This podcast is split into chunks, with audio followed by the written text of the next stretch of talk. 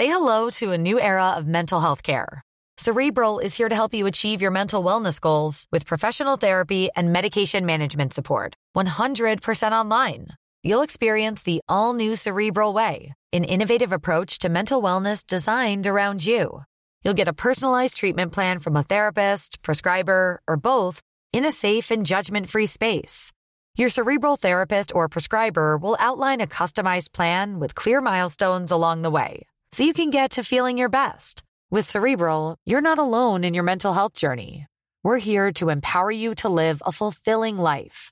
So take that first step towards a brighter future and sign up today at cerebral.com slash podcast and use code ACasts to get 15% off your first month. Offer only valid on monthly plans. Other exclusions may apply. Offer ends July 31st, 2024. See site for details.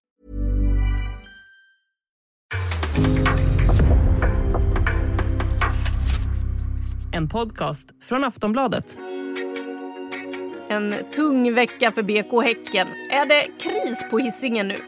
Kan eh, Rosengård börja fila på SM-guldbanketten redan innan sommaruppehållet? Och var det ett AIK som har lyckats ta sig ur den onda spiralen som vi såg i veckan? Det är några av frågorna som diskuteras i veckans avsnitt. Dessutom så kryllar det av landslagsstjärnor i Stockholm just nu. Uppladdningen för EM har smygstartat. Ni hör ju, med en omgång kvar av damallsvenskan innan uppehållet och ett EM som står för dörren så finns det mycket att snacka om. Så vad väntar vi på? Nu sparkar vi igång.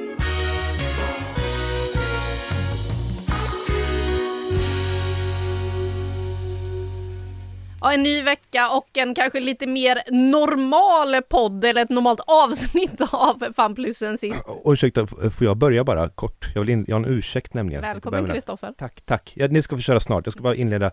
Eh, senast jag var med här, det var ett par veckor sedan. Då hade det spelats en kuppfinal och Häckens eh, tränare Robert Vilahamn var förbannad på domarna. Han sa att en av dem, assisterande Gilan Taher, aldrig borde få döma mer. Och det tyckte jag var ett eh, övertramp med ungefär tre meter. Eh, I så fall borde han aldrig få träna mer, i så fall borde en anfallare som bränner en straff aldrig få spela fotboll igen. Eh, så sa jag typ då, men jag var inte tillräckligt påläst den gången. Så, så förlåt, jag vill säga förlåt till lyssnarna framförallt, för att jag eh, jag utgick då ifrån att Vilahamn var ursinnig över ett felaktigt dömt mål till Rosengård. Men så lyssnade jag på intervjun efteråt, jag läste först på artikeln, så lyssnade i efterhand ut. Och det är ju inte så. Han är ju sur på sin egen utvisning som skedde efter att en Häckenback, Josefin Rybrink, skadat sig på egen planhalva. Eh, jag vet inte om ni minns det, spelet blåstes av när Rosengård hade den och vid nedsläpp fick de tillbaka bollen, gick direkt till anfall och vann en hörna. Och Robert Vilahamn gick då utanför sin tekniska zon och klagade på domaren. Och efter matchen säger han alltså att det var taskigt att få rött kort, han kunde få gult istället. Och sen berättar han också att han sa till dem att ni kan inte ta bort vår spelare från situationen. Man måste få ta kampen. Ni kan inte bara låta dem anfalla efter ett nedsläpp.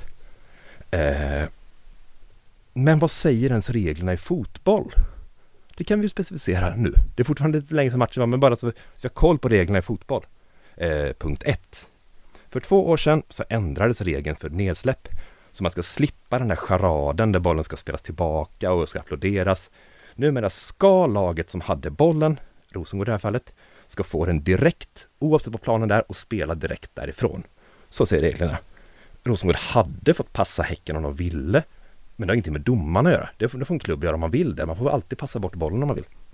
Eh, borde han varnats om han gick utanför tekniska området? Reglerna säger exakt, nu ska jag högläsa exakt här. Utvisningsberättigade regelbrott innefattar att avsiktligt lämna det tekniska området för att visa avvikande mening mot eller klaga hos en matchfunktionär. Yes, så Robert Vilahamns ilska riktades alltså dels mot ett feldömt mål, men också mot två situationer till, där domarna hade den fruktansvärda smaken att följa reglerna. Eh, jag tycker varken att Gilan Taher eller Robert Wilhelm ska sluta med fotboll, men jag tycker att Häcken som förening fortfarande ska be om ursäkt för deras tränare sa den dagen och sen tycker jag att Robert själv ska sätta sig snarast och läsa vilka regler som gäller i sporten fotboll, för de är jätteintressanta. Det som man sa från Häckens sida här dock var ju också att man menar att det, den tekniska zonen eller det området som finns nere vid bänken är för litet mm. i Malmö. Och det, det, kan det ha varit. Men det är fortfarande som den man förhåller sig till. Har man ett lite för litet straffområde, det händer ibland, det är lite olika storlek. Då kan man inte ta i hand, med hand som målvakt lite utanför det och säga att det brukar vara ett större straffområde än så här. Eh, någonstans så får man utgå ifrån det.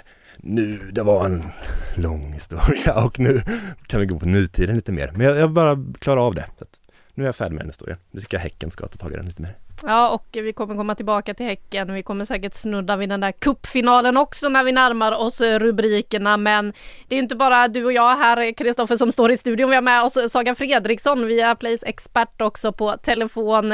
Saga, hur är det med dig? Är du med efter Kristoffers inledning här? det var liksom en chockstart vi fick här nu, men hej allihopa. Eh, och hej Kristoffer. Hallå där. du är på, med på noterna här. Det var tydligt och bra tycker jag. Ja, vi ger väl oss på snabbfrågorna direkt. Eh, för nu är det ju så att eh, den här veckan har varit en hel del fotboll. Det har ju spelats två omgångar sen senast och med tanke på att förra avsnittet enbart ägnades till att grotta ner oss, eh, kanske ibland alldeles för djupt i den svenska EM-truppen, så finns det ju såklart en massa saker att prata om. Och Saga, vi börjar med dig. Vad har förvånat dig mest i veckan som gått? Eh, jag kommer direkt droppa viss, två resultat, ska jag säga. Eh, AIK går och vinner mot Piteå. Streaken är bruten, Eh, så det förvånade faktiskt mig. Eh, sen ska jag inte säga att det förvånar mig att Häcken alltså, hade en tuff match mot Vittsjö, men att man förlorar på hemmaplan, det är förvånande. Ja, vi ska in i vad det egentligen är som sker i Häcken och eh, det är ju en otroligt tung vecka de har bakom sig med förluster mot Eskilstuna och Vittsjö, båda på hemmaplan där alltså för Häcken. Eh, vad har förvånat dig Kristoffer? Är det något annat som har förvånat dig eller Måste vad? du ta två Saga? ja men då kan du säga att hon tog en av dina, typiskt. Ja, eh, jag är väl lite förvånad över Piteå att de så tydligt manglar Djurgården i den här eh, fantastiska nattmatchen som var precis igår när vi spelade in det här, eller i natt. Eh, att det blir 3-0 där, det hade jag kanske inte väntat mig. Jag tycker Djurgården har varit så himla bra på, ja länge nu. Nattugglan Elin Erik, Eriksdottir får vi väl kalla henne som gör hattrick eh, då efter midnatt i den andra halvleken där när Piteå vinner med 3-0 mot Djurgården. Eh, Saga, vem eller vad har imponerat på dig då?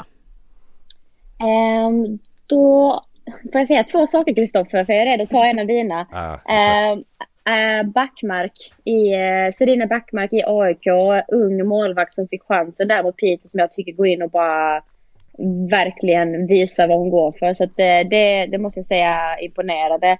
Sen ändå, jag läste att det var närmare tusen som ändå var på plats i den här midnattsmatchen i, i natt. Då. Det tycker jag är imponerande med tanke på att det är en måndag. Och jag tror inte semestrarna har börjat för så många än. Så att eh, det får man väl ändå säga är väl... Jag vet inte om jag lägger ribban för lågt här nu, men tittar man på snittet så är ändå runt tusen på en midnattsmatch. Det är ändå rätt så fräckt, tycker jag. Och inte ens på helgen som sagt ja. ja jag, jag håller med, det var häftigt. Har du något mer att tillägga, Kristoffer? Ja, men jag kan nog säga något större sådär. Det är att nu för tiden så blir det så pass jämna matcher hela tiden. Alltså, jag trodde kanske att serien skulle spricka lite mer av 14 lag precis vid utökningen. Så brukar det inte vara så bra för en serie precis när den utökas och eh, dessutom en sån här serie där det är väldigt stor skillnad mellan om man är professionell eller om man är en student eller något sånt där. Så de som kommer upp är ju inte professionella de lagen och sånt där. Men kollar man liksom resultaten, det är väldigt få sådana här jättesjälvklara siffror och vi som har minne tillbaka från 10-20 år tillbaka, då var det ju ofta kunde bli 10-12-0 i vissa matcher och sånt där. Så blir det absolut inte längre. Och det är liksom, man, man höjer inte på ögonbrynen längre åt att BP pressar Kristianstad väldigt bra eller något sånt. Det blir liksom lite uddamål här och var. Det blir någon 4-0 här och där. Men, men i övrigt så är det en väldigt tät och jämn serie där, där inte alla kan slå alla. Så behöver det inte vara. Men det är någonstans fortfarande nästan alltid blir match. Går du på allsvensk fotboll nu så blir det match. Och det tycker jag är läckert. Kanske inte då om man tittar på Rosengård som ingen har lyckats besegra än. Eh, har Rosengård avgjort serien kan man redan nu börja fundera på hur man ska fira SM-guldet i höst. Eh, Kristoffer, du kan få börja här då. Mm, nej, det har man inte. Det, det, är bara fem poäng. Det, det kan svänga. Vad säger du Saga? Alltså det kan ju absolut svänga men det känns också som att vad är deras ursäkt om det svänger? Förstår ni vad jag menar? Mm. Det, på så pass bra är de. De får tillbaks liksom, key players här nu. det är ett sommaruppehåll som kommer. De är ju ruggigt starka. Så det, jag vill ju inte att det ska vara avgjort redan för det, det är mycket roligare med, med en tight serie. Men eh, vi får se om, eh, om de tappar lite eller om de andra lagen steppar upp. Eh, så kanske det blir ett, ett nytt oväntat lag som steppar upp istället för de vi kanske trodde inledningsvis. Ja, och det är ju så som du är inne på, det kommer key players tillbaka för Rosengård. De hade ju problemen i inledningen av säsongen med en lång skadelista där allt fler nu börjar komma tillbaka. Och eh, man måste väl ändå säga att man blir väldigt glad när man ser en sån som Fiona Brown eh, komma tillbaka igen. Det är ju så med spelare som eh, har varit borta länge på grund av skador. Det är alltid lika härligt att se dem tillbaka när de kämpar sig hela vägen in på plan igen som då Fiona Brown till exempel. Ehm, en annan story kring som Rosengård inblandad ifrån den här veckan. Kristoffer, ska man få ha hur långa naglar som helst? Ah, ja, man ska väl det. Ja, så, så är det ju. Eh, om man inte eh, spelar för en särskild japansk domare som hade som vana att gå in i omklädningsrum, syna alla fingrar och klippa varenda nagel de tyckte det var för lång. Han hade med sig en nagelklippare. Det här berättade Pernilla Larsson eh, själv, tidigare domare, domarbas idag berättade för mig att det är jättebra för den här japanska domaren länge till som kom till någon, något U20-VM eller vad det var och så gjorde de sådär och så sa de andra lagen att nej men hallå, det finns integritet, vi vill inte ha våra nagelklippta. Vad, vad är härnäst? Ska du sätta upp våra hår? Så, så eh, men, men jag vet vad du pratar om, du kan väl få ta bakgrunden själv kanske? Ja, det var ju Ria Öling i Rosengård som eh, i en duell med IFK Kalmars Elisa Walker fick eh, ett finger i ögat och eh, eh, långt liksom rivsår längs kinden där Olivia Skog sen då la upp på Instagram vad som kunde hända om man hade fejknaglar eller för långa naglar eller vad, hur det nu var hon uttryckte sig. Men eh, det var tydliga spår i Ria Öhlings ansikte efter Det var det, Walker var bara arg på en sak, det var ingen jävla fake nails det här, det var naturliga starka naglar hon hade minsann. Men det är mycket fördomar mot henne bara för att hon målar dem så kulört sina naglar, pratar om jag, så... tror inte, jag tror inte Olivias poäng var huruvida den var gjord av plast eller av eh, kroppens egna material. Jag tror det var mer att en helt vanlig närkamp mitt på planen efter 20 minuter gör eh, lite oturligt men att, att en stjärna i Rosengård måste bryta matchen och, och då är det kanske inte man får inte ha någon särskilda halsband och sånt men, men man får ha tio vapen vässade. Vad tänker du om eh, det Saga och det som hände där? Och har du varit med om något eh, annat märkligt på planen? Du som har lite mer spelarerfarenheter än oss andra här. Ja, eh, alltså först och främst, alltså det händer ju, herregud. Jag, det är klart att man inte jag tror inte liksom Walker satt och vässade sina naglar innan den här matchen så att jag tycker väl det blir lite kryddigt och, och liksom göra en grej av det men samtidigt så det är jätteolyckligt att det tar som det gör. Så det kan jag inte säga någonting om men eh, nej herregud jag tycker varje match man lämnar där det har varit kamp så går man ju liksom från med rivmärken och köttsår så att det är väl hör till vanligheten. Faktiskt matchen i helgen så hade vi en härlig drabbning mot Lilla Torg och eh, jag gick ifrån den matchen med en och annan skavank så att eh, det hör till. Mysigt ändå med matchen mot Lilla Torg känner man ju spontant. Visst, visst, visst. Men det finns väl inget riktigt annat som man kan liksom något vapen man kan ta till på det viset? Håret håret min vän. Jajamän! Ja. Alltså, Bergström mannen utan hår här. Ja. Nej men alltså tänk dig en riktigt tight fläta, alltså när man går upp i nykter och sen plötsligt bara snärtar den rakt in i ögat. Ska man säga till en spelare att nej du borde haft en boll i håret? Nej, det kan du inte göra. Så att, tyvärr, det hör till. Men jag är jätteledsen för Ria Öhlings skull. Det såg inte grant ut det där. Men hon eh, kunde ju spela matchen efter så det var ju för väl. Men vilken är det, om man glömmer all funktionalitet och all estetik, vilken är det eh, taggigaste frisyr du kan göra? Hur kan du skada som mest med håret? Det är ju en tight hårsvans alltså. Har du mycket hår, ah. vet du mycket det snärtar i ansiktet. Det, det, finns ju ingen värre när man ska upp i en nickdel och så helt plötsligt bara har du liksom en, en tofs i, i ögat som inte ska vara där. Det... Ska, ska, du ha den bakåt då så du har backen bakom dig eller ska du sätta den i pannan istället? Så nej, nej men alltså jag är ju backen, jag är ju backen och sen har jag ju spelare framför mig och har hon då en fläta och drar, eh, liksom bara liksom flänger med håret så eh, har jag ju den upp i facet. Så det är inte, det är inte så trevligt. Men det är ju bra taktiskt. Det är bara ta notes här nu om man vill, om man vill störa. ja, märkliga sätt att störa på. Om ni som lyssnar har fler, skicka in tips. Vi vill höra allting om märkliga sätt som man kan eh, skada på fotbollsplanen och som då kanske faktiskt är tillåtet som de här ändå är. Eh, med det sagt ska vi väl eh, prata kanske lite mer seriöst igen. Sista snabbfrågan är ju, det är ju så att det snart är dags för semester för de spelare som inte ska till England och spela EM. Uh, till helgen avslutar vi vårsäsongen i damallsvenskan. Vilken match ser ni mest fram emot i helgen? Saga, du får börja med vilken av den avslutande omgången här innan uppehållets matcher du ser mest fram emot. Alltså det är ett par stycken just på grund av tabellsituationen i toppen. Men jag måste ändå säga att Hammarby-Häcken blir ju intressant. För Häcken är där de är och Hammarby har ju tagit kliv. Så den tycker jag är spännande. Sen två andra tajta matcher, förlåt Kristoffer, är ju Kristianstad, Piteå och Vittsjö, Örebro. De tror jag blir riktigt roliga att se. Så Kristoffer, vad har du i bakfickan här? Du tog tre av sju matcher. Det är så hon jobbar idag. Jag hade ändå svarat Kalmar-Djurgården men nej, nej, jag vet inte. Nej, ja, det, det, är klart att någonstans är Bayern häcken den stora matchen. Där, för det, det säger så himla mycket om Häckens säsong, vad de kan ja, vad de kommer till vila med. En trea här eh, gör ganska mycket, eh, nolla de här, ja vad har de, hur många förluster, hur många vinstfria matcher har de på senaste sju, åtta stycken. Det, det är helt sjukt liksom om de inte, det är, de måste ju ta en trea, så enkelt är det. Ja, vi tar oss väl raka vägen in på rubrikerna då där BK Häcken såklart är den eh, första rubriken Häckens kris för det kan vi väl nästan kalla det nu. Man har kryssat mot Piteå, sen kom förlust i den där kuppfinalen som Kristoffer började hela det här avsnittet med att gå tillbaka till.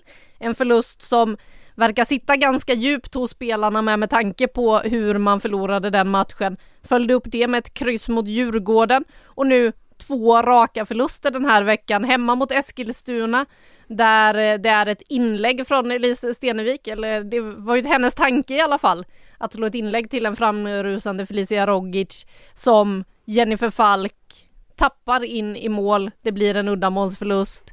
Man kommer inte till lägen där eh, framåt. Man skapar egentligen inga chanser i princip att kvittera i den matchen och sen Vittsjö nu senast där Marika Bergman Lundin drar till med en jäkla drömträff och ändå så förlorar man i den matchen. Eh, Saga, vad säger du eh, om eh, vad det är som händer på hissingen egentligen? Eh, nej, men jag tycker det, det är superproblematiskt såklart. Eh, för det är som vi alla är medvetna om att det ska vara ett, en toppstrid mellan två lag och det är Rosengård och Häcken utifrån förutsättningar får man väl ändå först säga och etablera. Sen är det ju så att det jag tycker den tendensen, den trenden vi har sett, det är om man tänker på Häckens start det här året. Så grundar det sig mycket på, vi, vi berömde dem för fysiken om man kommer, tillbaka, eh, kommer ihåg och tittar tillbaka på vad vi pratade om i inledningen så var det just att wow vad de har tränat hårt, de är fysiska exemplar och, och bara tar varje match med storm. Men eh, jag tycker det finns två delar i vad som har hänt i Häcken. Det ena är matchschemat man kan inte spela den typen av fotboll alla matcher 90 minuter igenom. Lägg då till en kuppfinal som också var mitt i smeten där. Man måste hitta olika sätt att anfalla på. Man måste också hitta olika sätt att försvara på. Där jag tycker kanske att man har varit lite naiva i Häcken och har gått på fullblås och hoppats att spelarna ska orka. Det har varit rotation, men kanske inte tillräckligt med rotation för att kunna bibehålla den höga intensitet som de spelar anfallsfotboll på, men också försvaret. För att det är ju egentligen där mycket av deras spel grundar sig på att de vinner bollen högt och är aggressiva. Så fort de tappar det, då har de bjudit in motståndarna i matcher och det tycker jag är en stor del i det. Den andra är också att lagen är ju inte dummare än att de inser okej, okay, Häcken vill spela omställningsfotboll och de vill spela snabb fotboll. Ja, men de har ju börjat flytta ner i banan, spela en avvaktande försvarsspel vilket gör att det som Rosengård kanske alltid har utsatts för med lågsittande försvar, det ska nu Häcken eh, behöva hantera. Och där tycker jag inte de har hittat nycklarna än. De har inte riktigt liksom haft lugnet att eh, ha bollinnehavet längre upp i banan och bli lite statiska i det och lite oroliga när inte Rytting Kaneryd kommer in med fullt blås förbi varje gång. Utan helt plötsligt börjar man forcera anfall forcera avslut som inte riktigt är 100% på. Eh, så det är som de här två sakerna som jag tycker är direkt avgörande för varför det ser ut som det gör nu. Och sen är det faktiskt bara under kritik att man inte har gått in och vunnit vissa av de här matcherna för att eh, och jag tänker till exempel på den mot Djurgården när man har hemmaplan, man ska studsa tillbaka från cupfinalen, att man inte redan där kommer upp på hästen. Jag tror det var direkt avgörande för hur de matcherna efter sen tedde sig. Vad tänker du när du hör det här Kristoffer? Ja, ja, det är intressant att, att höra eh, den analysen där. Um, för mig är det lätt att jämföra med 2020 som är det bästa upplagan av det här Göteborgslaget någonsin tror jag. Eh, som inte hette samma sak då men, men det var samma lag. Eh, där fanns det så mycket tydligare eh, Eh, struktur som gick före enskilda spelare, före det här frenesi eller vilja eller ork. Alltså du kan inte bygga ett spel på det, det är något som ska finnas i ditt spel. Men det ska ju finnas en grundstruktur som i sig inte det låter så tråkigt, struktur låter som att det är något defensivt och statiskt, tvärtom. Det ska finnas en, en, en bild, en, tydliga löpvägar som alla i laget tar, eller som de, man har sin roll på något sätt där. Och det laget 2020 hade väldigt mycket mer av Eh, raketer på kanterna som hela tiden hela tiden sprang där, så man fick hela tiden farten gratis. Då kunde man ha forwardstyper som, både, alltså Rebecka Blomqvist och, och Paolo Hammarlund var det då, som både kunde kombinera med varandra väldigt bra ihop med lite offensiva mittfältare eller kunde välja då att ligga och försöka eh, bara styra in inlägg och, och, sånt där. Det fanns alltså en, en idé som var så tydlig att också dåliga matcher gjorde man två mål hela tiden, på att man hela tiden gjorde på de här två, tre olika sätten ungefär. Det låter som ett lättläst tvärtom. Det fanns alltid ett, en grundplan och en, en annan plan att skapa chanser på. Idag så finns det en eh, energi ofta. Det finns en, en Rytting Kaneryd som är i jättefin form, har varit länge. Men jag ser inte hur laget gång på gång skapar chanser ur mot ett lågt stående försvar. Man behöver inte vara ett geni för att fatta att ska man heta Häcken måste man kunna luckra upp väldigt många låga försvar, för det är det de alltid ska möta det här året. Eh, så, så det oroväckande är att de inte verkar ha ett tydligt svar på det. Vad gör vi i ställning 0-0 mot Djurgården med 20 minuter kvar? Vad gör vi i ställning 0-1 mot Eskilstuna med, med en halvtimme kvar? Hur växlar vi upp? Hur, hur, hur skaffar vi oss 7-8 chanser? Alltså inte den här desperationen, inte sista fem minuterna, för det är en annan sak. Då ska man ta in ett fyrtorn och lassa bollar och sådär. Det är en grej, men, men med en halvtimme kvar eller någonting, då vill man se ett grundspel som genererar en chans var femte minut eller något sånt där. Och det har inte jag alls sett i Häcken att det finns där, utan de kommer lite, lite pö om pö chanserna. De dyker upp ibland på, på individuell kvalitet och sånt där. Efter matchen mot eh, Eskilstuna var ju Filippa Kurmark inne på att eh, de är alldeles för kalla sista tredjedelen. Man skapar inga chanser. Det händer ingenting framåt och vi kan väl ta och lyssna lite på vad anfallaren då Pauline Hammarlund eh, sa efter den matchen. För det var ju både frustrerade och besvikna Häckenspelare efter förlusten mot Eskilstuna. Det är surt, såklart. Det känns som att vi har tillräckligt med spel för att vi ska skapa mer och lyckas göra mål. Så att, nej, det känns som en jäkligt sur förlust. Vad är det som gör att ni inte kommer till de där riktigt vassa målchanserna då tror I första halvlek tycker jag vi har problem med speluppbyggnaden. De sätter ganska hög press eh, och vi får alldeles för korta anfall. Eh, det tycker jag vi gör bättre i andra men istället hamnar vi bara ute i kanterna och kommer inte riktigt in i de farliga lägena. Eh, det är svårt att säga vad det är som gör att vi inte gör det. Vi vet att vi kan spela så mycket bättre än det vi gör idag och det är väl också det som gör att vi är så frustrerade som vi är. Vi har en mycket högre nivå än det här så att vi ska hitta tillbaka till den. Hur frustrerad var du nere på planen? Eh, väldigt. Man blir det också när det är en sån här match där det liksom från att de gör mål så handlar det bara om att få klockan att gå eh, och förstöra spelet så mycket som möjligt. Eh, och det är klart att det var eh, tålamodsprövande. Hej, jag Ryan Reynolds. Recently, I asked Mint Mobiles legal team if big wireless companies are allowed to raise prices due to inflation. They said yes. And then when I asked if raising prices technically violates those onerous two-year contracts, they said, what the f*** are you talking about, you insane Hollywood ass?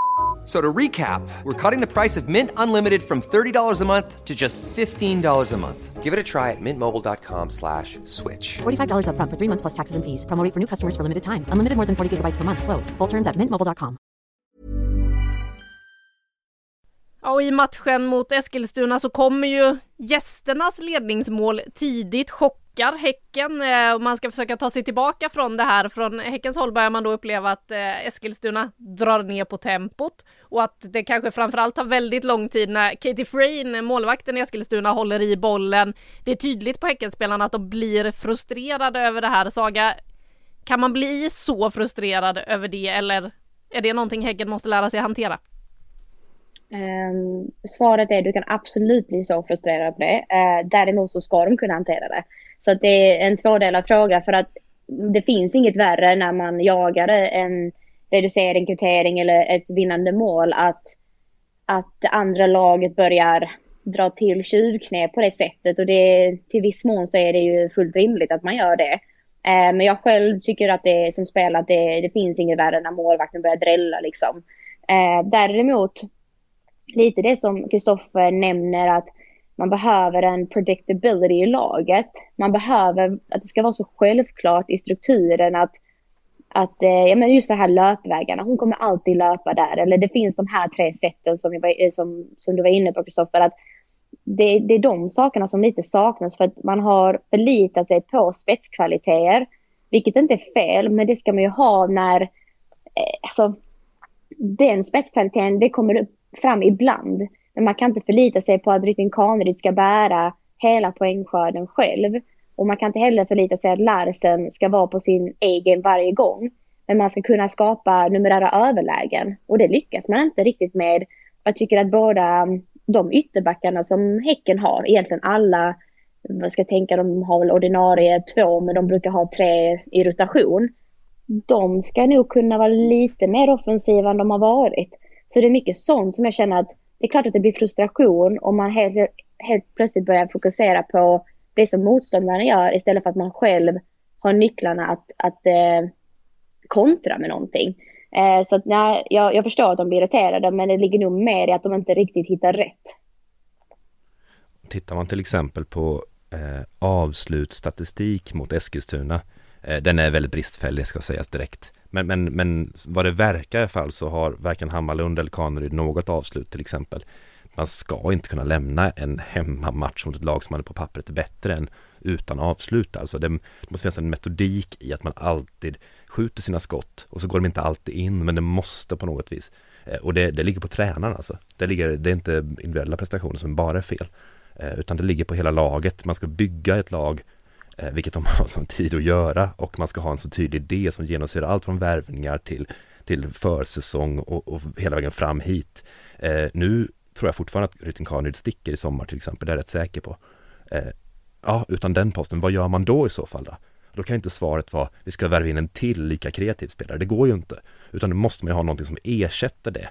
Okej, du kanske inte kan göra din gubbe längre, det kanske kommer en spelare som inte kan det. Men vad ska den göra så att det alltid blir fyra, fem chanser från den personens kant då?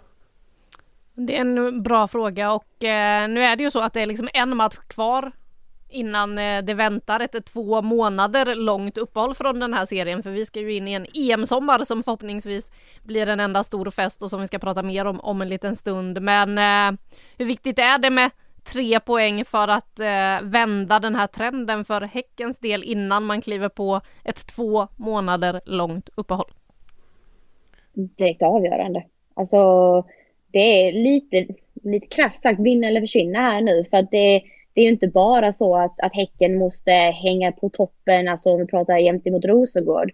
Men det är också ett eh, Linköping, Kristianstad, Vittsjö som går som tåget och inte är beredda att släppa den positioneringen de har nu och har desto högre ambitioner än så. Så att jag skulle säga att eh, vinner man inte nu så går man in dels med en ganska jobbig känsla till sommaren och dels så är frågan om man ens orkar ta igen det. En poäng dessutom eh, har Hammarby bara upp till Häcken så det skulle innebära att även Hammarby i så fall går om om inte Häcken tar tre poäng i den här matchen. Ja, ja nej men det hur det än går mot Hammarby så måste de på något sätt bryta ner spelet, bygga om det, de måste hitta någonting annat, så är det. Det är inte bara att skärpa sig eller få in lite mer moral, det är inte det det handlar om, utan det, finns, det måste komma in en tydligare struktur. Ehm, men det är skönt att få lite skjuts in i vilan i alla fall, få lite glada miner och, och sådär. Det är jobbigt att gå runt och ha ont i magen i två månader. Ja, för så blir det ju att eh, det är två månader man har på sig att bryta ner det här innan det är dags för ny match sen då. En omgång kvar alltså. Med det så ska vi väl lämna Häcken för nu. Matchen mellan Hammarby och Häcken den spelas ju på fredag redan så eh, den får vi se fram emot tills dess. Nästa rubrik innan vi lämnar damallsvenskan och pratar vad EM-truppen egentligen håller på med. Det är eh, då AIK och eh, Saga, är det här AIKs vändning vi har sett den här veckan? Åtminstone tendenser till en vändning får jag väl säga. Eh, och, och, jag har hakat upp mig på ett par ganska smarta drag från AIKs ledning. Eh, jag måste säga att det första börjar nog när man börjar sätta Linda Hallin som central mittfältare. Det har ju skett tidigare också innan eh, Jesper Björk och eh, liksom det andra gardet kom in. Så att det är inte helt nytt. Men att man dessutom i matchen mot Hammarby, om jag inte missminner mig, drog ner Agnes Nyberg som mittback. Mm. Alltså det var, jag tyckte det var briljant. För där fick man helt plötsligt en spelare som var trygg med bollen i uppspelsfasen. Klarar av att hantera pressen. Speed under fötterna som kan hantera omställningsspelet som vi har sett att AK har blivit sårade på. Eh, och sen är hon rejält drivig. Hon vinner ju närkamper och men att hon får mycket frisparkar emot sig så kan jag uppskatta att hon, eh, hon backar liksom inte. Så det tyckte jag var ett genidrag redan där. Sen har de börjat lirka lite med sina, sin formation. Eh, nu senast spelar man till exempel 4-3-3. Och med det så tycker jag direkt man såg att en sån som Asher, som jag faktiskt varit ganska kritisk mot utifrån att man har värvat in en spelare som en utländsk spelare som jag inte riktigt tycker har presterat. Eh, och det är ju inte alltid hennes fel utan det har ju varit situationen i AIK som stort. Men helt plötsligt med en 4-3-3 så fick man in henne i rätt position. Hon vinner mycket boll helt plötsligt. Hon spelar smarta avgörande passningar, diagonaler med sin vänsterfot när hon spelar på höger. Så redan där har man sett att hon har börjat växla upp till ny kapacitet och nivå.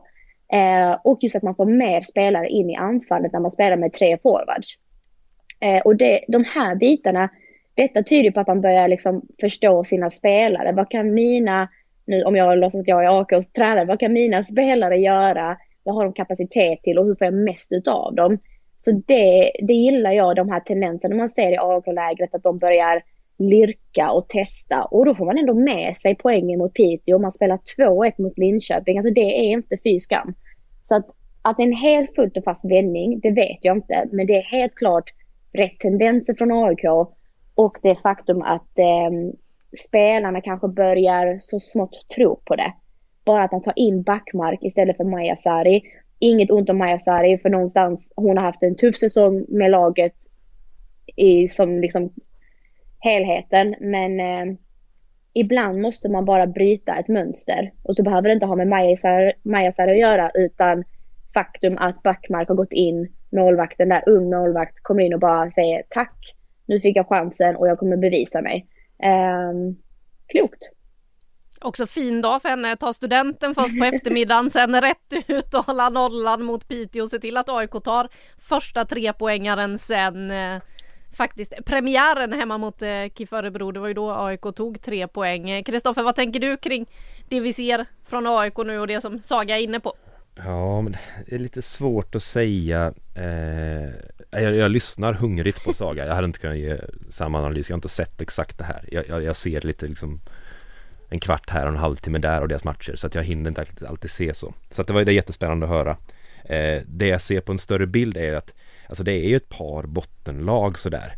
Eh, och för ett tag sedan kändes det som att AIK bara skulle tappa det som, som i fjol egentligen när det finns en given jumbo sådär.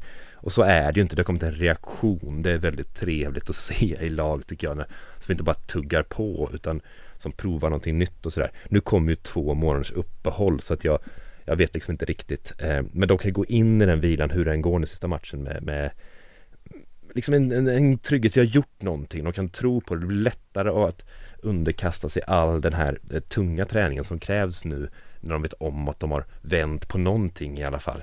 Sen, ja, sen, sen om de klarar det eller inte, jag, jag vet det, det, det är så vad finns det, fem, sex lag som kan ryka eller något sånt där? Ja det är väl framförallt fyra lag som ligger mellan nio och ja, sex poäng där med de tre nykomlingarna och AIK. Ja naturligtvis. Mm. Eh, eh, Eh, intressant. Eh, det är klart att jag det är absolut realistiskt att AIK klarar av det här. Eh, de har ju lag för det i grunden skulle jag nog säga.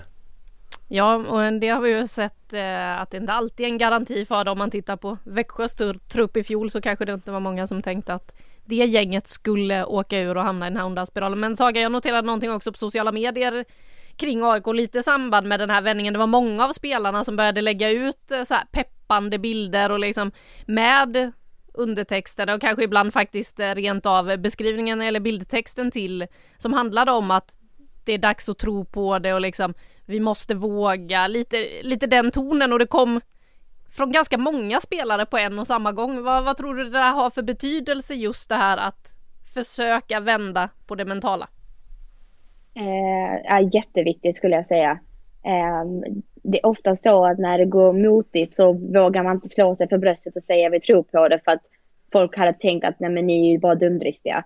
Men nu när de ändå visar prov på att det vänder, eh, det är mycket med kroppsspråk också på matcherna, att man, man ser att spelarna applåderar varandra, tummen upp, små detaljer som utifrån kanske inte någon noterar riktigt, men som spelare vet man att om man gör misstag och ändå har en medspelare som du, jag såg det, jag, jag förstår vad du tänkte, så kan det höja väldigt mycket. Sen ska det inte bli till överdrift, men absolut bra tendenser. När man då dessutom vågar gå ut på sociala medier och slå sig för bröstet, då tror jag ännu mer att man börjar få ihop den här vi-känslan, att, att det är vi som ska göra det. Och, alltså, I slutändan är det så här, det är bara att brista för AIK. Man har chansen nu att vända på det, att bita sig fast och som, som vi varit inne på, de har material till att spela bättre fotboll än de har gjort. Nu handlar det mycket om, precis som för Hammarby när de hade det motigt i början, att tro på det. Och likaså AIK här nu inför uppehållet, gå in med god känsla. Sen tror jag det är direkt avgörande att de får en bra start i eh, återstarten i, i höst. Ja, men eh, det, det väntar en ganska tuff uppgift för AIK innan det är dags för sommaruppehåll. Man eh, får besök av seriens enda obesegrade lag i form av Rosengård på Skytteholm på söndag. Ja, det är, någonstans är det ju så här, ingen förväntar sig att eh, AIK ska gå in och vinna den matchen. Men jag tycker ändå man ska komma ihåg matchen de spelade på bortaplan eh, i Malmö. Där jag tycker att där jag var imponerad av AIKs struktur. Det var ju innan eh, Mäkinen och, och Rutsalainen blev eh, ombedda att gå. Eh, så att då hade man, eh, man spelade ett bra försvarsspel.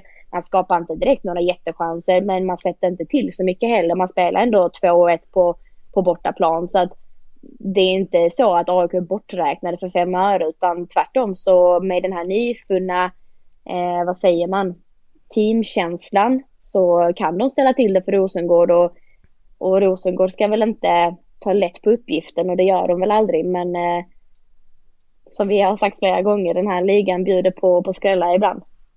Ja den gör ju faktiskt det vilket är väldigt härligt och eh, vi har en eh, på sina håll ganska tajt tabell bland annat då nere i botten och så kanske framförallt då striden om andra platsen just nu där det är otroligt många lag eh, inblandade och slåss om andra och tredje platsen Champions League-platserna. Det väntar ju faktiskt också sen när vi är tillbaka efter sommaruppehållet. Då ska Rosengård, Häcken och Kristianstad dessutom in i CL-kval. Eh, vi får väl se. Rosengård är ju väldigt tydliga där med att eh, i år så ska man in i gruppspelet. Det är inget om, inget men. Man ska spela Champions League-gruppspel den här säsongen.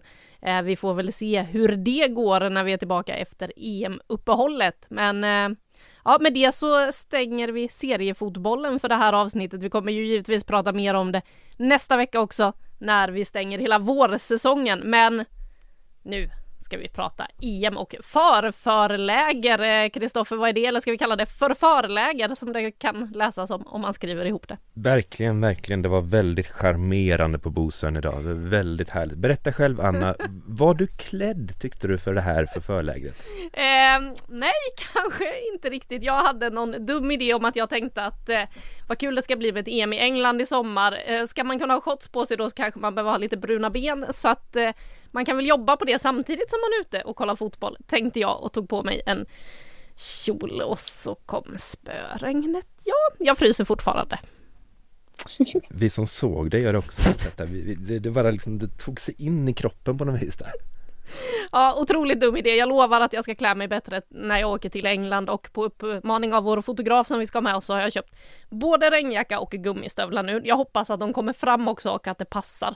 För jag har ju beställt det via nätet då, så vi får väl se hur det går. Men tillbaka till lägret. Det är ju så att utlandsproffsen, de som vill, har fått möjlighet att eh, samlas i Stockholm redan nu några dagar och träna lite fotboll. Vad, vad fick du för känsla och vad såg du förutom en eh, frusen kollega som är alldeles dum i huvudet och inte vet hur man klär på sig? Eh, ja men det var nog någonting eh, Alltså det är så kul att se det här laget att liksom alla som är med är sådana fullblodsproffs sådana träningsgalningar, också folk som är precis utanför truppen är fortfarande otroligt seriösa med fotboll. Det har man väl alltid varit. Eh, Hedvig stod jag och pratade lite med, hon berättade att skillnaden från 2003 och idag är att då, den tiden var man väl professionell i sinnet men inte i plånboken och nu är man det på riktigt också på, på alla vis här.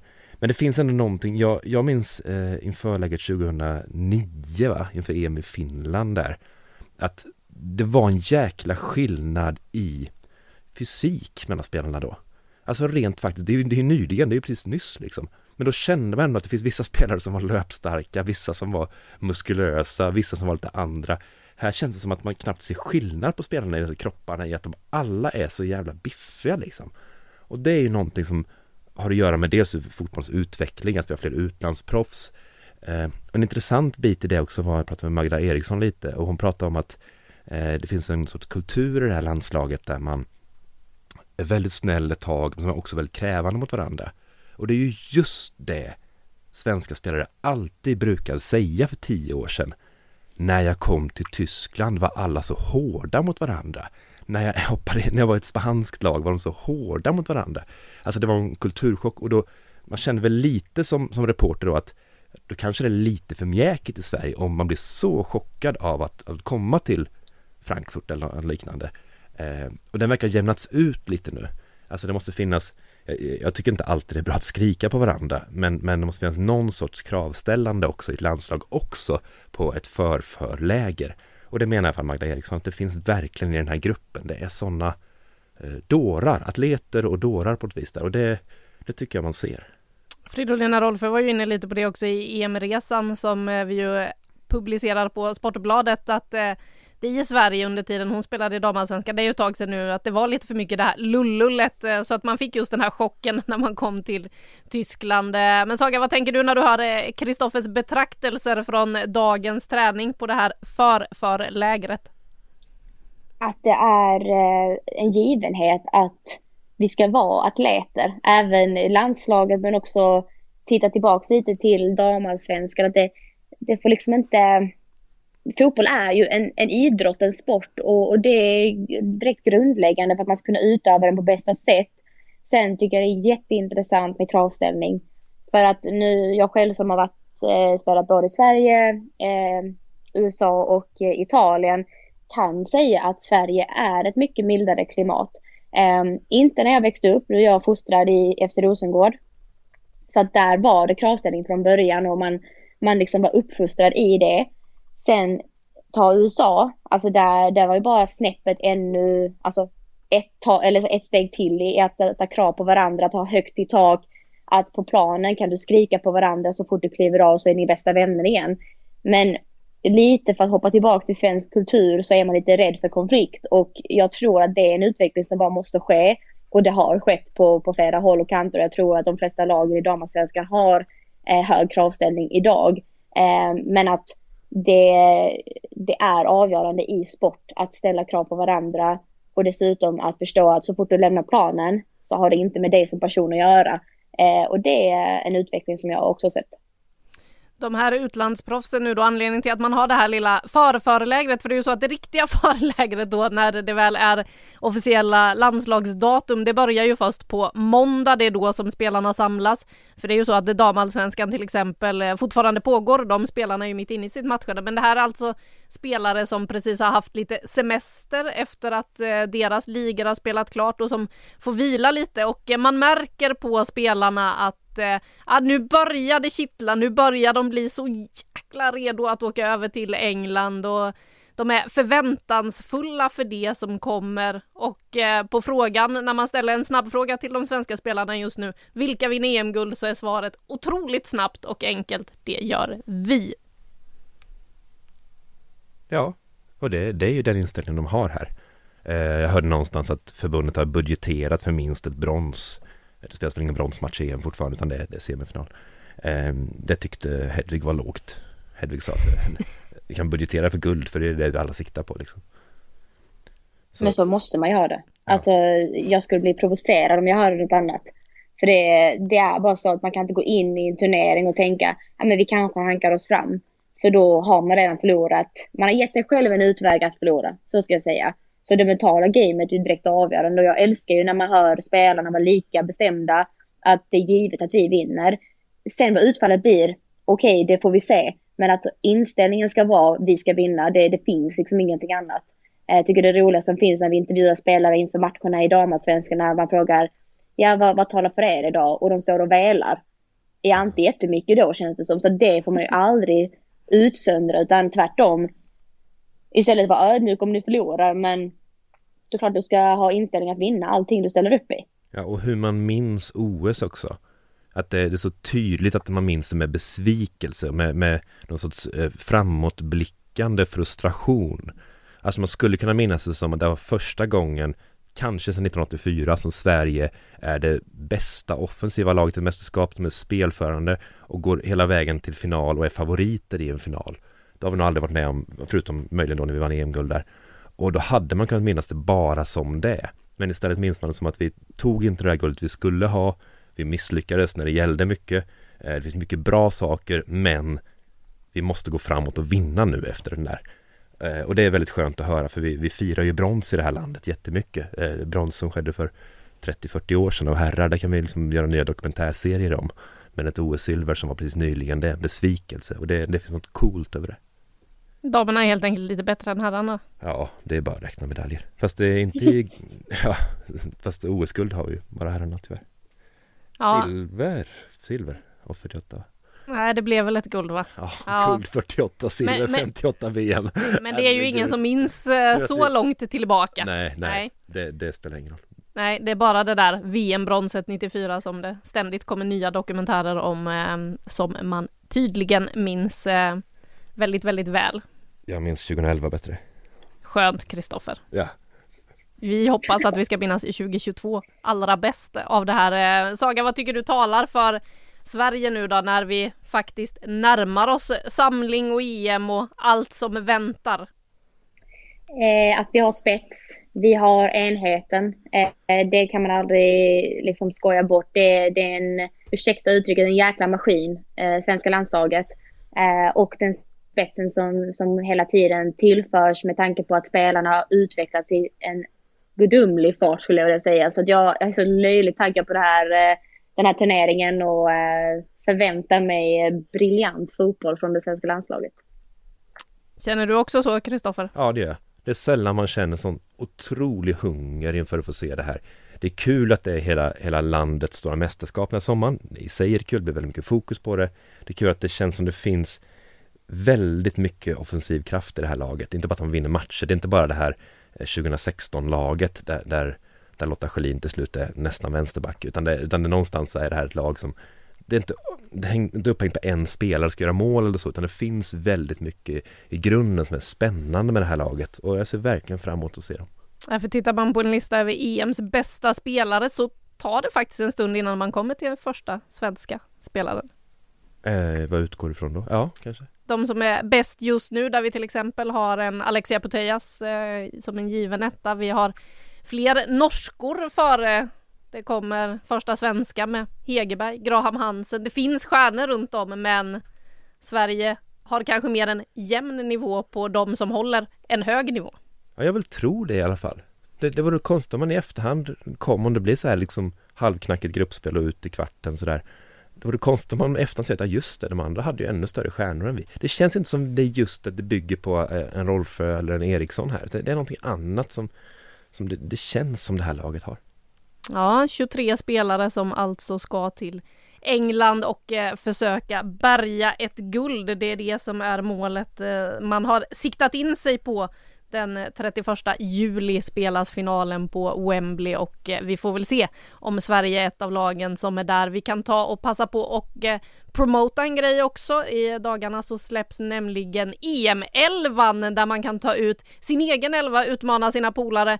Ett managerspel eh, hos oss på Aftonbladet där man kan göra en hel del fynd faktiskt.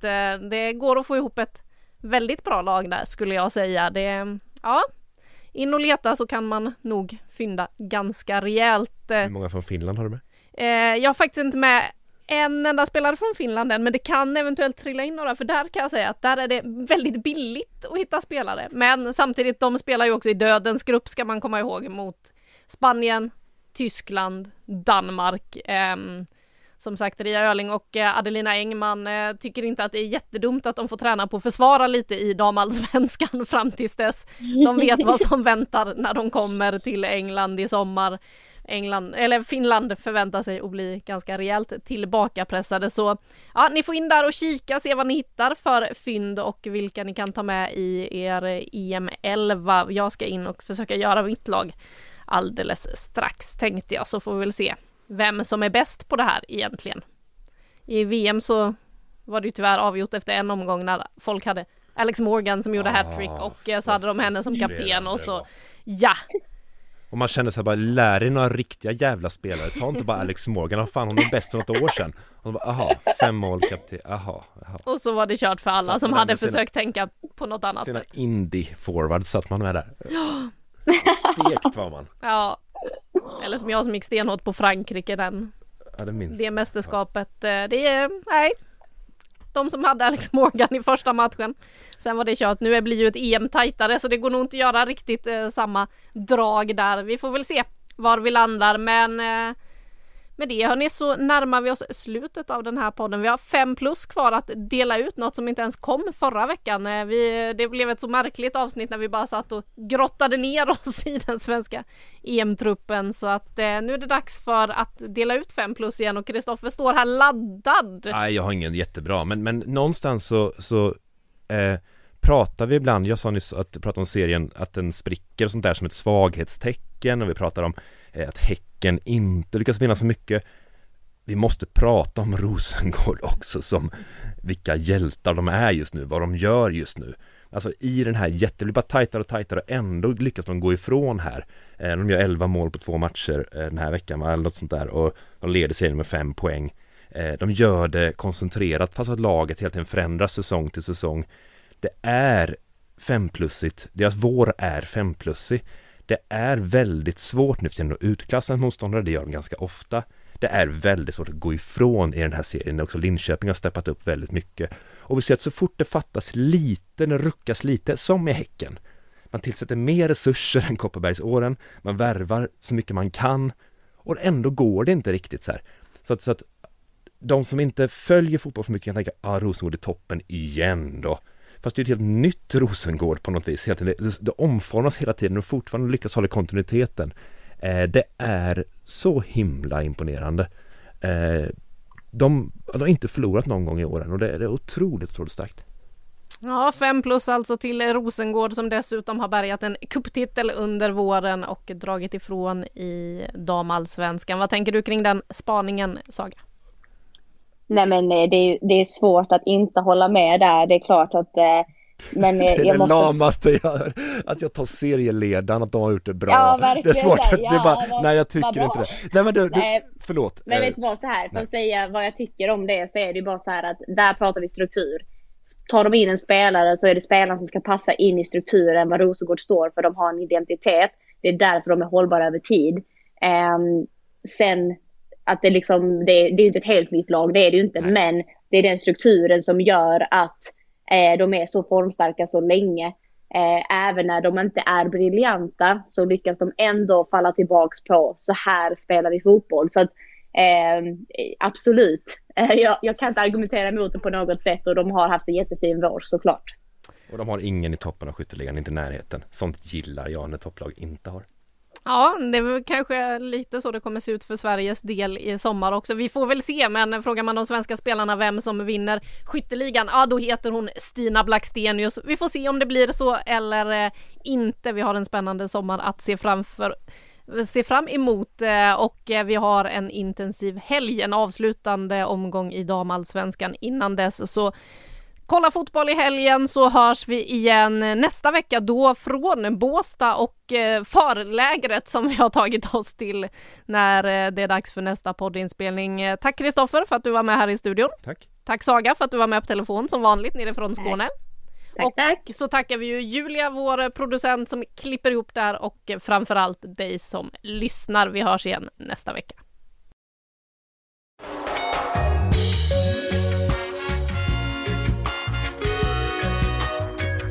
Du har lyssnat på en podcast från Aftonbladet. Ansvarig utgivare är Lena K Samuelsson.